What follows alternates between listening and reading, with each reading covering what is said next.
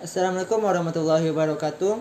Perkenalkan nama saya Jehan Maulana dari pemasaran 1 dengan nomor BP 1800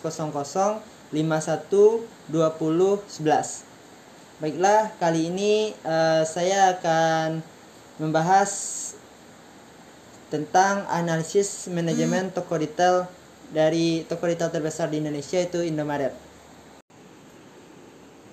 Baiklah, uh, langsung saja saya akan membahas mengenai manajemen toko retail Indomaret. Baiklah, yang pertama saya akan bahas itu tanggung jawab dari manajemen toko Indomaret. Pertama, tanggung jawab yang dilakukan oleh manajemen toko itu mengelola karyawan toko.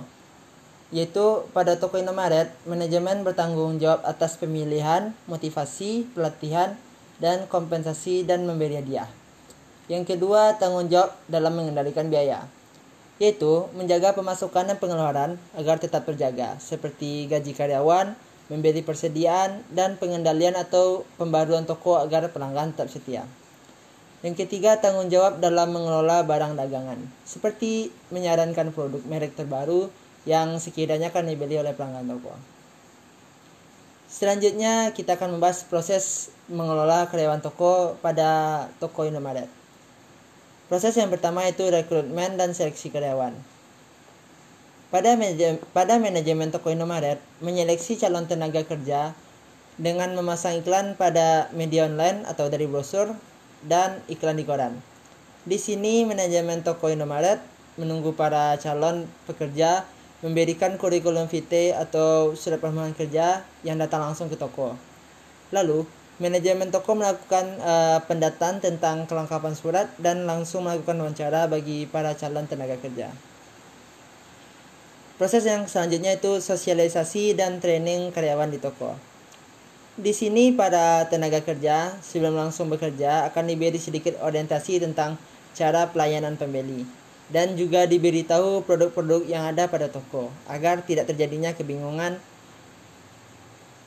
Pelatihan pada toko cenderung lebih mengandalkan pekerja senior yang mengajarkan tenaga kerja baru, di mana jika ada posisi barang yang tidak diketahui maka senior lah yang maka uh, pekerja barulah yang akan meminta tolong pada senior sehingga lama kelamaan akan tahu dan terbiasa dengan letak-letak produk pada toko.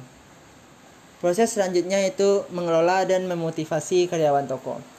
Pada toko Indomaret, Pemilik toko sekaligus manajemen yang sangat berperan dalam kepemimpinannya memberikan motivasi kepada tenaga pekerja itu pada saat penjualan lebih target maka pemilik toko akan memberikan bonus untuk karyawan.